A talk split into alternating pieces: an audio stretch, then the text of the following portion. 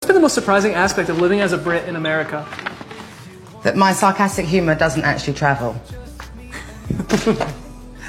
What's an unexpected similarity between London and Los Angeles?